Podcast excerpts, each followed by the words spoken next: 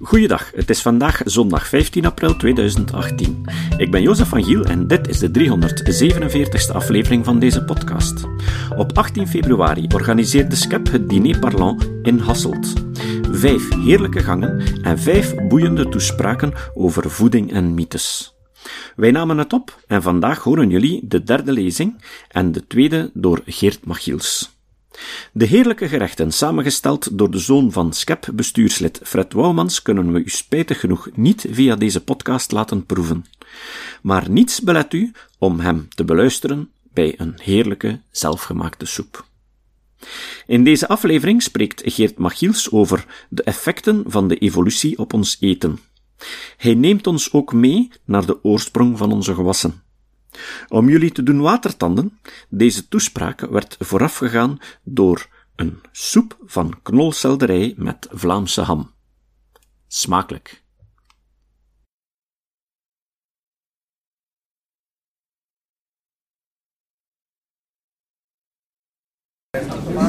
Ik kan deze keer zeer kort zijn, zoals ik dat straks al gezegd had. Geert Machiels, deel 2. We zijn wat we eten. Ja, nogmaals goedemiddag. Um, ik ben een bioloog en ik heb, uh, op een of andere manier is er een wetmatigheid in de lezing die ik geef. Er moet altijd, moet Darwin vroeg of laat aan bod komen. En dat gebeurt ook nu en dat staat zelfs in de titel. En we zijn, wat we eten komt van um, meneer Briat Savarin, een groot schrijver over, over eten en voedsel. Physiologie du goût is al uh, ja, van de 19e eeuw. En hij schreef toen al over um, dat eten en drinken een van de belangrijkste dingen is in ons leven, want we doen dat verschillende keren per dag. Um, het spreekt al onze zintuigen aan, wat ik daarnet ook al vertelde. het is universeel, het is van alle tijden, van alle plaatsen. Iedereen doet het, heel zijn leven lang. Um, het gaat probleemloos samen met alle andere zintuigen en de effecten zijn langduriger dan die van anderen. Bij het eten krijgen we erom een fijn gevoel van welzijn, zegt hij. We houden er ons niet alleen mee leven, we zorgen zo ook voor een lang en aangenaam leven. En hij raakt hier een mooi punt. Dus zijn, zijn, een van zijn uitspraken is: We zijn wat we eten. Of zeg mij wat je eet en ik vertel je wie je bent. um, en bij elke hap die we nemen en bij elke slok die we drinken, is dat eigenlijk de laatste stap in een paar miljoen jaar biologische evolutie. Wij staan daar nooit bij stil, maar alles wat wij hier vandaag nu aan het doen zijn, um, met smaken, met geuren, met wat wij eten, met wat er op ons bord komt, uh, heeft te maken met een evolutie, niet alleen van onszelf, maar ook van alle planten en van alle dieren die wij daarvoor gebruiken en de omgeving waarin die zijn opgegroeid en gekweekt en gefokt en geselecteerd. En om dat duidelijk te maken, gaan we nu even terug in de tijd. En dit sluit een beetje aan bij uh, waar het tot nu toe over ging. Dit is een stamboom van van onder de muizen en dan komen er lemuren en een aantal apen en van boven zitten de mensen bij de, onze uh, naast verwante uh, mensapen, de chimpansees, de gorillas, de orangutans en de gibbons. En je ziet dat er ongeveer van onder zie je een tijdschaal. Um, we zitten nu op 0 miljoen jaar geleden natuurlijk, maar ongeveer tussen de 30 en de 40 miljoen jaar geleden is er iets gebeurd. De, er zijn een aantal genen die niet meer, die werden uitgeschakeld omdat we ze niet meer nodig hadden. En andere werden wel ingeschakeld of muteerden. En bijna tegelijkertijd, als je het op die tijdschaal bekijkt, verloren wij een hele hoop geurgenen. Dus dat zijn de genen waar Patrick het daarnet over had, die mee bepalen of sommige mensen iets uh, waarnemen van koriander of niet. En tegelijkertijd um, kregen we de mogelijkheid, genetisch gezien, om in drie kleuren te zien. Want al die andere beesten, behalve de howler monkeys daar van onder, en dat is dus een, een, een specifieke uitzondering waar ik nu niet ga over hebben, maar uh, al die andere daarboven, dat zijn de enige uh, diersoorten in de heel, het hele dierenrijk die in drie kleuren kunnen zien. Zoogdieren. Zoogdieren, ja, ja. ja, ja um, en het, uh, het, het, de fascinerende mogelijke uitleg daarvoor is dat um, als je kan zien van op afstand of een vrucht rijp is, als je dus die kleuren kan zien om dat te beoordelen, dan moet je niet meer daar naartoe kruipen om te gaan ruiken en proeven of het zo is. Dus het, uh, het, het, is een soort van uh, win-win situatie. Je geeft iets op en je wint iets anders waar je mee vooruit komt. Dus veel van wat wij uh, ruiken en proeven in het verhaal dat ik er straks vertelde en wat, waar die koriander ook over gaat, heeft, ehm, gaat heel ver terug en is dus mee genetisch bepaald. Hoe ver terug? Dat gaat nogal ver terug. Als we het over vlees hebben, we hebben al vandaag al vlees gegeten en er komt nog. Uh, we krijgen nog hertenwangetjes, als ik het goed heb. Die zijn uh, uit de jacht afkomstig en ja, de mens jaagt al lang. Um, de eerste sporen van vlees eten dateren van zoiets van 3,3 miljard jaar geleden. Miljoen jaar geleden, sorry. Um, tot 5 miljard, miljoen jaar geleden waren wij planteneters. Er zijn geen sporen van vlees eten vanuit die tijd. Maar dus 3,3 miljoen jaar geleden de eerste sporen van vlees dat van botten wordt geschraapt. Dan zie je dus de sporen in die botten van dat, uh, dat uh, benenmes waar dat mee gebeurde. En men vond toen ook al, men vindt vanuit die tijd gebroken botten. En die botten werden gebroken omdat het merg daar werd uitgeslurpt. De mens was een van de weinigen die in staat was om die botten te breken. En een van de hypotheses is dat de mens geworden is wat hij is door de zeer vetrijke, calorierijke substantie van die merg te kunnen bereiken, want veel andere dieren konden daar niet bij komen. Alleen hyena's en dat soort beesten die hadden sterk genoeg tanden om botten te breken, maar ook niet van de hele grote dieren. En de mens was daar wel toe in staat. En dan komt er een volgende stap. 1 miljoen jaar geleden leerde de mens het vuur beheersen. Het vuur was er natuurlijk al lang, maar dat beheersen en daarmee gaan koken is iets anders. En dus 1 miljoen jaar geleden is er een revolutionaire stap gezet in de ontwikkeling van de mensheid. Men is beginnen uh, vlees braden en soep koken en dergelijke dingen meer. En uh, wat wij nu vandaag doen is daar de, de laatste culminatieve stap. en wat is nu de grote revolutionaire inhoud van, van, die ontdekking, laten we zeggen? Dat is dat uit bereid voedsel, dat gekookt is, dat wij daar veel meer voedingsbestanddelen en calorieën kunnen uithalen dan uit rauw voedsel. En je moet maar kijken naar alle andere dieren die rauw voedsel eten. Onze collega's, de chimpansees en de bonobo's, die zitten heel de dag te kauwen. Die eten bijna geen vlees. Man gelooft dat ze helemaal geen vlees eten, maar dat blijkt niet waar te zijn. Ze eten wel eens een stukje vlees. Uh, maar het grootste deel van alle dieren die rauw voedsel eten, die zijn heel de dag bezig met het kauwen en het verteren. Mensen die uh, voor de raw foodie gaan, die alleen maar rauw voedsel willen eten, die zijn ook heel de dag bezig door te eten en te verteren. Dus als je plots gewoon door drie keer per dag warm te eten, uh, veel meer calorieën binnen kan krijgen dan anders, dan krijg je natuurlijk tijd over om iets anders te doen.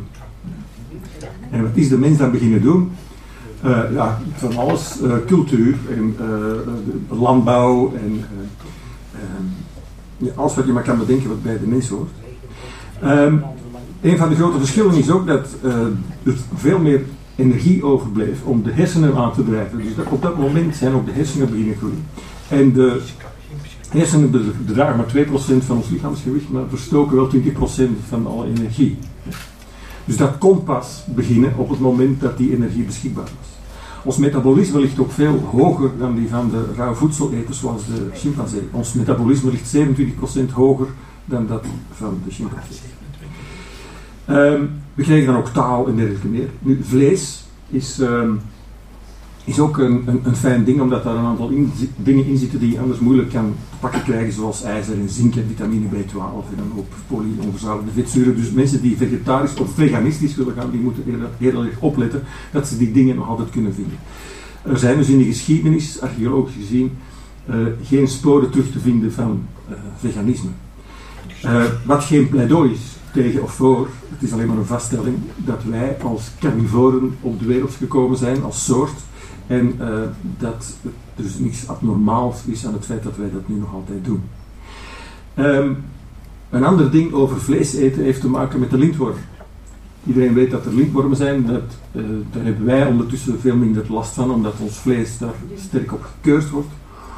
Um, het interessante is dat onze huisdieren, die koeien en die varkens, die lintwormen van ons gekregen. Evolutionair gezien hadden de mensen die lintwormen eerst en heeft die overgenomen van. Die zaten eerst bij de leeuw, want de leeuw had antilopen, die uh, lintwormen zaten in de antilopen, die leeuwen kregen die ook, want die waren een deel van die levenscyclus. Dat je als parasiet in de darmen van een, antiloop leeft, dan moet je, leg je eitjes, maar die eitjes moeten natuurlijk bij de volgende antiloop terechtkomen. En hoe kan je dat best doen? Door via een tussenstadium. Al die parasieten werken via één of meerdere tussenstadia. En de mens is daar een tussenstadium van geworden. Want die at die antilopen die door die leeuwen waren eh, gepakt en dan joegen ze die leeuwen weg en dan aten ze die antilopen op en kregen dus die lintwormen van die antilopen over. En het is pas rond 11.000, 10.000 jaar geleden, toen de mensen aan de landbouw begon en varkens en geiten en schapen en koeien begon te domesticeren, dat die lintwormen overgegaan zijn op die, op die huisdieren. Dus zij hebben ze van ons gekregen en niet andersom. Uh, nog zo'n een, leuk weetje als het over uh, vlees eten gaat. Uh, toen de Spaanse conquistadores in 1532 in Peru kwamen, vonden ze daar, of zagen ze daar kippen rondlopen. Dus waren er even verbaasd. Wij hadden ook wel kippen. Uh, maar hoe kwamen die in godsnaam in Zuid-Amerika terecht? En we weten nu uit genetisch onderzoek dat die kippen door de pollineren, want de kippen komen oorspronkelijk uit Zuidoost-Azië, van een van de oerhoender. En die zijn door de Polynesiërs met hun kano's tot in Zuid-Amerika gebracht. Dat heeft men ondertussen genetisch kunnen detecteren. Um, dat voor het vlees. We hebben ondertussen net brood gehad bij de, bij het, uh, bij de soep. En uh, brood bestaat al heel lang. 4000 jaar geleden werd dat al gevonden. Of, het is gevonden in gra Egyptische graven van 4000 jaar geleden. Het werd toen gemaakt van emmer. Dat was een, een van de oer-graansoorten. Um, um, en dat graan is, uh, is heel specifiek voor de mens en zijn culinaire geschiedenis. Want de mens heeft grassen geselecteerd op drie dingen. Omdat, de, omdat graan, die graanzaden te kunnen gebruiken om bijvoorbeeld brood van te maken of andere zetmeelhoudende dingen zoals pasta's of en rijst is ook een voorbeeld. Moet je natuurlijk een plant hebben die een korte groeiperiode heeft, die dan grote, grote zaden maakt en dat die veel zaden uh, niet onmiddellijk uit die plant vallen. Bij veel wilde zaden die zaaien zich zo snel mogelijk uit. Van die zaden dan strooit hij zich uit. En bij, bij graansoorten die je wil uh, domesticeren, heb je liefst een vorm waar alle zaden in één aard bij elkaar zitten. Vandaar dat je ze ook moet dorsen om die granen eruit te halen. Um, een van de plekken waar dat uh, gebeurt. Oh. Um, um, ik, uh, ik laat dit even zien om te illustreren waar de oerbronnen van onze landbouw en, van de granen vandaan komen. Dit is een fantastisch boek, kan ik iedereen aanraden, geschreven door een collega-bioloog, maar die had ook antropologie gestudeerd. With Our Own Hands bestaat in, het boek is gemaakt in drie talen. Het uh, Dari, dat is de middenste taal, dat is een Persische taal, en het, uh, het Tajiks, dat is het onderste, is geschreven in Cyrillisch schrift. Dus mensen die Russisch zouden kunnen lezen, uh, begrijpen hier niks van, want hier staat eigenlijk Tajiks in uh, Cyrillisch schrift. Um, dat boek is gemaakt in de streek van de Pamirs, dat is een gebergte tussen de 4 en 7000 meter op de grens tussen Tajikistan en Afghanistan en um, Pakistan aan de andere kant, Ghana aan de andere kant. Onherbergzaam gebied waar heel veel van onze oerlandbouwgewassen vandaan komen. Zowel um, de roggen en de gersten en de linzen en de erten en de, maar ook de abrikozen en peren en appels en zo komen voor een groot stuk helemaal uit die streek. En je vindt dus ook de grootste variatie van soorten in die streek. Daar groeien 300 verschillende soorten abrikozen en 90 verschillende soorten moerbijen. Um, en je ziet dat ook in de Andes in Zuid-Amerika. Ook daar vind je, straks erover meer, de grootste variatie. Want daar komen ze eigenlijk vandaan. En wij gebruiken nu de, de doorgekweekte versies van al die producten. Het interessante aan dit boek is dat hij ook terugvalt op uh, een, een, man die um, weinig mensen kennen, Nikolai uh, Vavilov, Rus, begin vorige eeuw, die na de Eerste Wereldoorlog heel de wereld heeft afge afgereisd en overal uh, soorten verzameld, soorten die gebruikt werden door de mens. 200.000 heeft hij er verzameld, waarvan 40.000 graansoorten. En dat kwam voor een groot gedeelte uit zowel de Andes als uit de, de Pamis, waar ik het net over had. Um, en dat heeft hij allemaal verzameld, daarbij opgeschreven waar ze juist groeien, op welke hoogte, tegen welke ziektes ze resistent waren. Hij heeft het verzameld in een, een uh, gigantische collectie in Sint-Petersburg, die gelukkig genoeg de Tweede Wereldoorlog en het beleg van de Duitsers en het bombardement heeft overleefd. Gelukkig, omdat het vlak naast een groot chic hotel zat waar de Duitsers graag een overwinning zouden gevierd hebben. En ze hebben dus die wijk ontzien in hun bombardementen, zodanig dat die hele gigantische collectie bewaard is. Of hoe de geschiedenis toch nog een uh, mooi einde kan krijgen.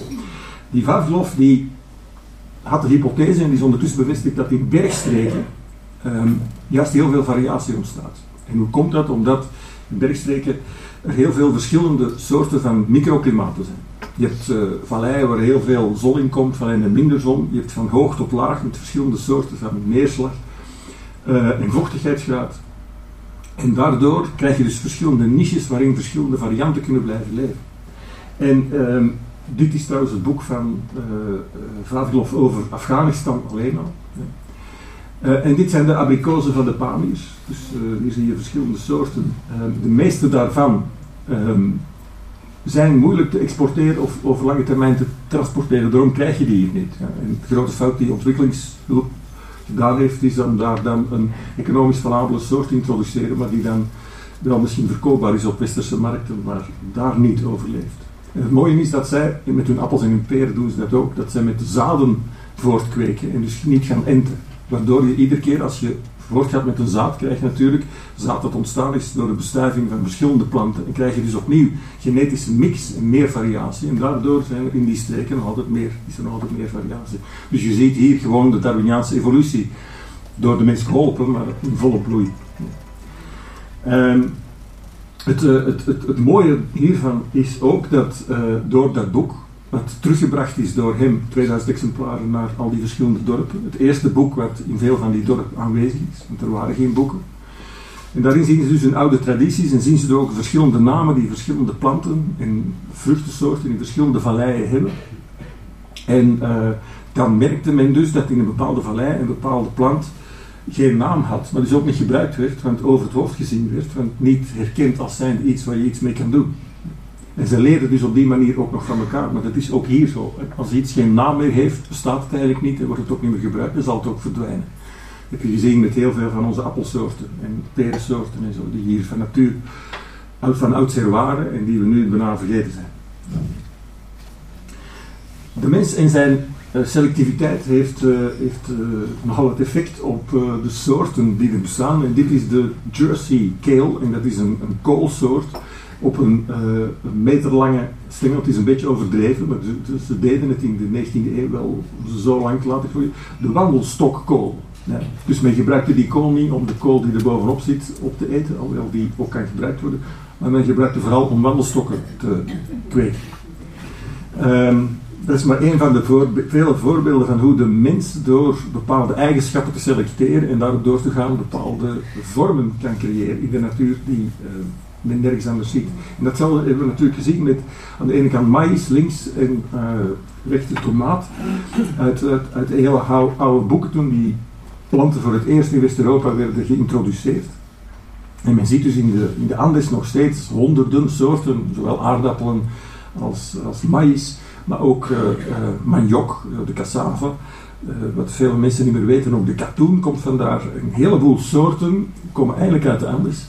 En men ziet nu dat de tomaat die wij nu gebruiken, er nog maar 5% van de variatie, van de genetische rijkdom die er in de oersoorten in de Andes nog altijd aanwezig is. Daarom is het zo belangrijk om die soorten ook te behouden, omdat daar natuurlijk ook eigenschappen in zitten die misschien nog wel eens zouden kunnen nodig hebben in de toekomst. Um, cassava is nog een mooi voorbeeld. Um, er zijn dus maniok, er, wordt, uh, van de, er zijn twee soorten maniok, uh, zoete en bittere. Dat bittere is ook heel typisch. In, uh, er, zijn, er, zijn, er is bijna geen enkele giftige vleessoort, maar er zijn wel heel giftige plantensoorten. Ja. cassava is een voorbeeld. Als je de bittere, daar zitten heel veel cyanide-achtige stoffen in. Als je die zo eet, dan vergiftig je jezelf. Dus dat moet um, uh, geraspt en gespoeld en gekoud en gezeefd worden om dat eetbaar te maken zonder dat je er ziek of zelfs dood gaat. Um, er zijn twee soorten, de zoete en de, uh, en de bittere. En die bittere, dat is dus de giftige, daar heb je veel werk aan. De zoete kan je zo gebruiken, die heeft wel iets minder smaak. Maar die, je ziet in het platteland, ook in Afrika, dat de zoete vlakbij de huizen van de mensen staat. Want die wordt nogal eens, dat zijn hele grote wortels. Dus als je die kan stelen, dan kan je voor een tijdje voor. Die zoete die staan vlakbij de mensen dat ze ze kunnen bewaken. En die bittere, daar is niemand in geïnteresseerd, want dat is veel te veel werk. Dus die staan op de veldjes die verder af zijn. Dus je ziet dat de, de plantaardige eigen, culinaire eigenschappen van zo'n plant mee bepalen wat daarmee gebeurt door de mensen. En op die manier bepalen wij dus ook de verdere evolutie van planten en dieren. Um, nog iets anders van planten is, je ziet daar tijm aan de, aan de linkse kant. En het ging daar net over koriander, ook nog bij ons aan tafel. En waarom zou het komen dat sommige mensen het wel proeven en andere mensen niet? Ehm, het zou ook kunnen dat ehm, er heel veel verschillende stoffen zitten in zo'n plant. Ehm, en dat die samenstelling kan verschillen van plek tot plek. dus als je bijvoorbeeld in Marokko koriander eet, of de koriander die hier gekweekt is, dat daar een andere aldehyde samenstelling in zit en dat dus sommige mensen wel reageren en andere mensen niet. Afhankelijk van waar die plant vandaan komt.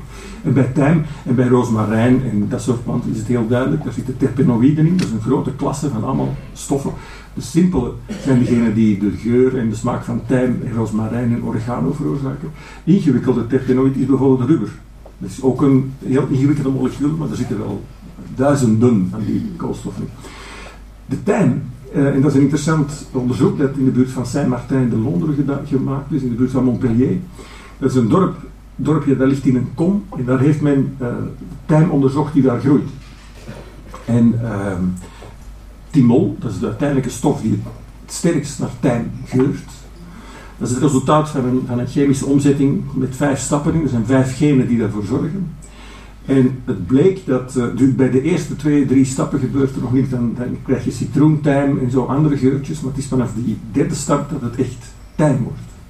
En nu zag men in de, in de kom, bergkom rond het dorp, bij het dorp zelf, al de tijm daar eigenlijk weinig geur had. En dat pas op hogere hoogtes, dat daar de tijmplantjes begonnen te geuren en te smaken naar tijm.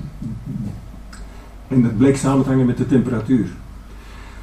En dan denk je van hoger is het kouder. Ja, daar is het net omgekeerd. Je krijgt in de winter temperatuursinversie. Dus de koude lucht blijft beneden in het dorp hangen. En daar werd het echt koud. Vroeger tot min 15. En uh, daar ontwikkelde die tijmplant, die bleef steken in fase 2. En hogerop, waar het warm bleef, ook in de winter relatief gezien, daar groeiden ze uit tot een tijm met echt veel timol en dus heel veel tijm. Dus afhankelijk van welk plantjesoort tijm dat je koopt, ook hier in de winkel, die je zelf uitplant in de tuin, of die je in Griekenland of in Spanje of in Italië of in Frankrijk zou kopen of proeven, op een berghelling hoog in de berg of laag in de bergen kan dus een totaal ander effect geven op jouw um, neus en uh, tong. En het nog straffer is, men is begonnen met dit onderzoek in 72 en men merkt dus dat de geurende tuinplanten beginnen op te rukken naar het dal, omdat het klimaat aan het veranderen is en het dus in het dal steeds minder koud wordt, of de winters zijn steeds minder extreem koud, en dus de geurende tuin begint naar beneden op te rukken. Uh, heel veel verschillende evoluties tegelijkertijd, maar je ziet dus hoe de dingen die wij eten, die wij ruiken, die wij proeven, die wij smaken, samenhangen met onze natuur en met heel onze planeet en met die variatie die daar van nature uit groeit. Een van de weinige voedingsstoffen die uh, door de natuur echt gemaakt zijn voor consumptie is melk. Moedermelk voor de mens, uh, koeienmelk voor de kalveren. Net zoals twee andere bestanddelen die we nodig hebben om bijvoorbeeld pannenkoeken te bakken, ook van de weinige dingen zijn die echt gemaakt zijn van de natuur om op te eten. Niet door ons, maar door uh, bepaalde dingen of organismen. Het ei is gemaakt, dat, bevat een heleboel voedingsbestanddelen voor het groeiende embryo dat erin zit. Um, het zaad van het graan zit vol met voedingsstoffen voor het ontkiemende zaadje, zodat dat die jonge plant kan beginnen groeien. En die melk die wordt erbij geleverd om die, het jonge organisme te laten groeien van de zoogdieren. Met die drie dingen maken wij dan pannenkoeken. Dus eigenlijk zijn dat de drie basisbestanddelen van alles wat met voedsel te maken heeft. Het mooie van die melk is dat daar ook heel veel umami in zit, trouwens. Uh, dus dat is een van de redenen waarom we daar zo verlekkerd op zijn. het zit ook in kaas. En kaas is dan tegelijkertijd het meest natuurlijke product, want dit is een zeer artificieel product. Dit kaas ontstaat door de fermentatie van die melk. En het fascinerende van kaas is, en dat weten we nu pas de laatste tijd, omdat we al de genen kunnen gaan in kaart brengen van al de bacteriën en de schimmels die die kaas maken. Het is uh, de, de eiwitten en de suikers in die kaas worden afgebroken en omgezet in andere stoffen. En dat zijn honderden, zo niet duizenden. En die geven allemaal een eigen smaak en geur. En dat is het wondere van kaas. Kaas is eigenlijk het resultaat van een microbioom. Dat is het, het nieuwe woord dat mensen misschien al wel gehoord hebben als het gaat over de, de duizenden soorten uh, bacteriën, schimmels en gisten die er in onze darm leven. maar die leven ook in de rest van de, van de natuur en die zorgen ervoor dat kaas ontstaat. En een van die, van die bekende kazen is natuurlijk uh, Roquefort in de Penicillium, familie van de penicilline. Uh, Roquefort die, die leeft echt alleen maar in Roquefort-kaas. Dus op een of andere manier is dat een mutatie die, die nergens anders voorkomt. Een andere kaas is de Penicillium uh, camemberti. Sorry, dat is degene die alleen daarvoor komt. De Penicillium roqueforti is al verschillende keren in verschillende streken. Blauwe kaas komt zowel in Engeland, de Stilton, als in Roquefort. Maar ook in uh, Limburg hebben ze blauwe kaas. En er is ondertussen overal blauwe kaas. Het zijn allemaal kleine varianten op dezelfde stam die door de mens getemd, geselecteerd is om dus een bepaald soort kaas te maken. En omdat die kaas, die, die uh, schimmelsoort, die gistsoort moet ik zeggen, allemaal een klein beetje verschillend zijn, krijg je zo'n klein beetje verschillende kazen. Um, nu, voor je daarmee begint, heb je een stof, een, gist nodig die de caseïne in de melk begint af te breken. En dat is Lactococcus lactis. En de vraag is, de oervorm van die, van die gist, die leeft op gras gras en andere planten. En um, hoe komt dus het gen dat het mogelijk maakt om caseïne af te breken, wat oorspronkelijk wat helemaal niet in planten voorkomt, hoe komt dat in godsnaam terecht in dan een, een gist wat in melk zijn voeding vindt? Dat is wat uiteindelijk die gisten doen, die leven van die, van die melkbestanddelen. En men heeft een proef gedaan waarbij men die um, lactococcus van tuinbonen haalde en die in de melk drinkte en, en na 50 of uh, een paar honderd generaties, was dus het gen dat nodig is om die caseïne af te breken, blijkbaar verschenen in dat, in dat gist wat het oorspronkelijk niet had. Ze haalden dat dus uit andere gisten, die, of via virussen, ergens anders vandaan. En dat is wat men noemt horizontale genentransfer. Tussen bacteriën ontstaat, um, die kunnen plasmides met een aantal hoeveelheid genetisch materiaal gewoon overgeven aan elkaar zonder dat zij, de mens zou daar Ehm, seksuele betrekkingen voor nodig hebt, bijvoorbeeld, om een nieuwe generatie te maken waarin genetische eigenschappen gemengd worden. Bacteriën die kunnen zichzelf met elkaar, door elkaar husselen, bij wijze van spreken. Um, dus dat is iets van, dat is uiteindelijk genetische modificatie, maar dan avant la lettre en zoals de natuur dat altijd gedaan heeft. Um, en men zag dus dat een aantal generaties die lactococcus gisten, die eigenschappen hadden overgekregen die ze oorspronkelijk helemaal niet hadden. Komt nog bij dat in dat hele microbioom zitten dus gisten die bepaalde afvalstoffen produceren, die door andere gisten gebruikt worden als voedingsstoffen. Je krijgt dus een heel complex ecosysteem van allemaal micro-organismen die elkaar nodig hebben en die van elkaar de afvalstoffen opeten. Zodanig dat je dus uh, ja, een heel stabiel systeem krijgt, waardoor de mens uiteindelijk geselecteerd is, maar ondertussen door het feit dat wij kaas eten, uh, blijft voortbestaan en waar nog altijd nieuwe varianten in ontstaan. Dit uh, zijn allemaal uh, Roqueforti. Dat zijn allemaal verschillende uh, kweken die verschillende vormen aannemen. En dan komen we bij uh, het, het supermicro-organisme waar zonder ons leven er helemaal anders zou uitzien. Dit is, ik weet niet of mensen het herkennen, maar dat is de Saramachis. Ik kom niet meer uit mijn woorden de, de gist die um, de, zowel in brood zit, die dus het brood doet gisten en rijzen, als degene die we nodig hebben om bier te maken. Sarachomyges cerevisiae heet hem in het Latijn officieel, maar die we ook nodig hebben om wijn te maken. En um, dit is, dan komen we op het, ja, op het onderwerp van alcohol. En alcohol is een van de enige toxines, want dat spul is gewoon giftig, waar wij toch tolerant voor zijn geworden. De vraag is natuurlijk, hoe komt het? Hoe komt het dat de mens alcohol kan drinken zonder daar uh, ziek van te worden? En er moet iets gebeurd zijn, um, vijf miljoen jaar geleden of zo, um, toen een, wat, wat, wat, doet dit gist? Dit gist zet de suikers in rijpe vruchten om in ethanol, alcohol. En heeft dan een tweede variant en die zet dat om in uh, acetylaldehyde. Die, die, alcohol die willen wij wel drinken, die is acetylaldehyde, dat wil je niet weten, daar kom ik zelfs op terug. En de eerste gisten die dat deden, die produceerden dus alcohol en andere gisten konden daar niet tegen, dus dat was een mooie manier om concurrentie uit te schakelen. En toen hebben ze geleerd om die ook, maar zij, zij konden zelf met die alcohol niet veel doen. En hebben ze, er is een tweede mutatie gekomen van datzelfde gen. En die konden die alcohol omzetten in acetylaldehyde. En die acetylaldehyde konden de gisten wel gebruiken als voedingsstof. Dus ze maakten tegelijkertijd een wapen tegen de rest. En iets wat ze zelf konden opeten en dan verder groeien. Wij hebben zelf ook een variant op dat, op dat gen om die, om die alcohol, die ethanol, om te zetten in acetylaldehyde. Maar wij doen dat pas bij grote concentraties in onze lever. Dus je moet al serieus wat gedronken hebben voor die lever dat begint om te zetten. En dan krijg je acetylaldehyde. En daar word je niet lekker van, want dat veroorzaakt de kater. Dus je krijgt pas een kater als je echt genoeg van die alcohol gedronken hebt, zodanig dat je lever dat werk kan doen. Nu zijn er in deze wereld mensen die een mutatie hebben, waardoor ze uh, bij lage concentraties die ethanol heel snel omzetten in acetylaldehyde. 75% van alle Chinezen en Japanners heeft die uh, minstens één van die één alleel, waardoor het, sommigen hebben er twee en dan ben je helemaal uh. Um, want dan word je dus bij de minste slok alcohol word je onmogelijk ziek. Die mensen lopen ook rood aan en die voelen zich misselijk en daar krijg je dus heel weinig alcoholisten in dat land. En je ziet hier de verspreiding van dat, uh, van dat allel. Dus in Zuidoost-Azië heeft een vijfde van de populatie dat um, en kan dus minder goed tegen alcohol. En wij uh, zitten op het uh, gelukkige schiereiland van de wereld waarin er heel weinig van dat soort van die mutatie voorkomt. Nu zijn er in Zuidoost-Azië nog mensen die een tweede mutatie hebben.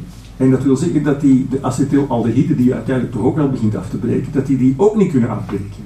Dus die drinken alcohol, wordt onmiddellijk omgezet in acetylaldehyde, die krijgen een kater binnen het eerste glas. En daar blijven ze nog lang mee rondlopen, omdat die ook niet afbreekt. Daar word je natuurlijk helemaal niet gelukkig van. Um, maar waar wij wel gelukkig van worden is natuurlijk dat glas wijn uh, of dat bier wat wij drinken bij het eten. En dat uh, uh, brengt mij bij het laatste stukje evolutionaire geschiedenis dat wij dat zo graag allemaal samen doen. We zitten hier niet voor niks met 80 mensen samen. Um, eten wordt, werd altijd praktisch altijd samen gedaan. Ja, het is pas de laatste tijd dat je de laatste jaren dat je mensen alleen over straat ziet lopen met een bekertje koffie en nog een sandwich, uh, of die alleen op de trein zitten te eten terwijl ze nog zitten te whatsappen of wat dan ook. Vroeger was eten altijd een gemeenschappelijke bezigheid en dat heeft een hele oude uh, evolutionaire geschiedenis natuurlijk, want zolang je alleen maar bessen verzamelt, dan kan je die rustig uh, zoveel van verzamelen als je zelf wil en dat dan op je eentje opeten. Maar van schouw je olifanten begint te jagen, dan krijg je dat niet meer alleen verwerkt natuurlijk. Dus dan moet je wel met z'n allen samen gaan eten en de porties verdelen.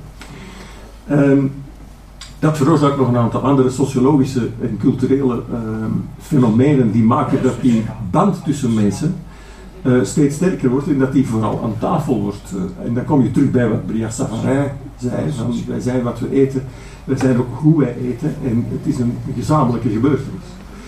Um, en dat, dat, uh, dat, dat, zit ook wel voor een stuk in een oude Persische uh, spreuk die ik ergens las.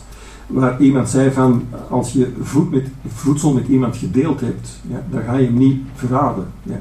Voedsel is in vele culturen een manier om, om verwantschappen of vriendschappen te bezegelen. En dan zeker nog als er nog een glas wijn bij dat zie je ook in de Pamirs bijvoorbeeld, um, uh, waar, waar het brood, uh, dat, heeft dan bijbelse, voor ons bijbelse connotaties gekregen, daar is dat heel, dat is bijna een heilige uh, vorm van eten, omdat dat, er is gezamenlijk, moet daarvoor gewerkt worden. Als er eens een oven wordt aangestoken, er is weinig brandstof dan komt iedereen uit de buurt mee van die warmte van die oven profiteren om mee iets klaar te maken, al dan niet brood te bakken. Brood is heilig. Um, je mag nooit over een brood heen stappen. De mensen zitten niet aan tafel, ze op stoelen, maar men zit op de grond. Dus je mag nooit over een brood heen stappen. Brood heeft connotaties van heel belangrijk en heel uh, belangrijk om dat ook samen, op, samen te maken en samen op te eten.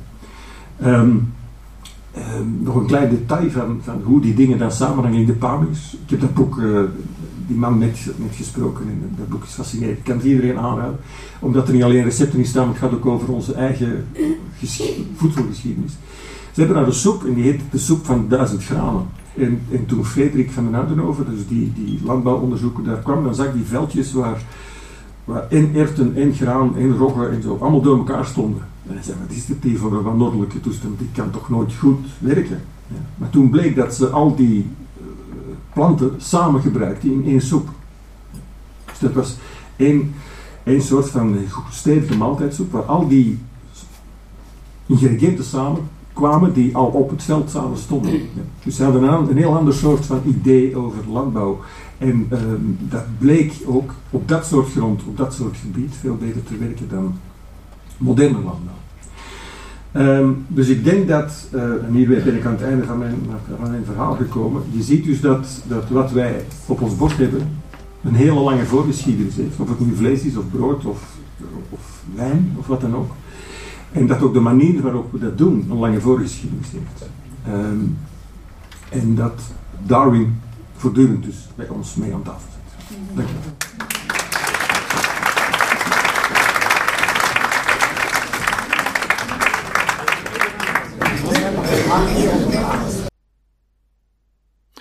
Het citaat.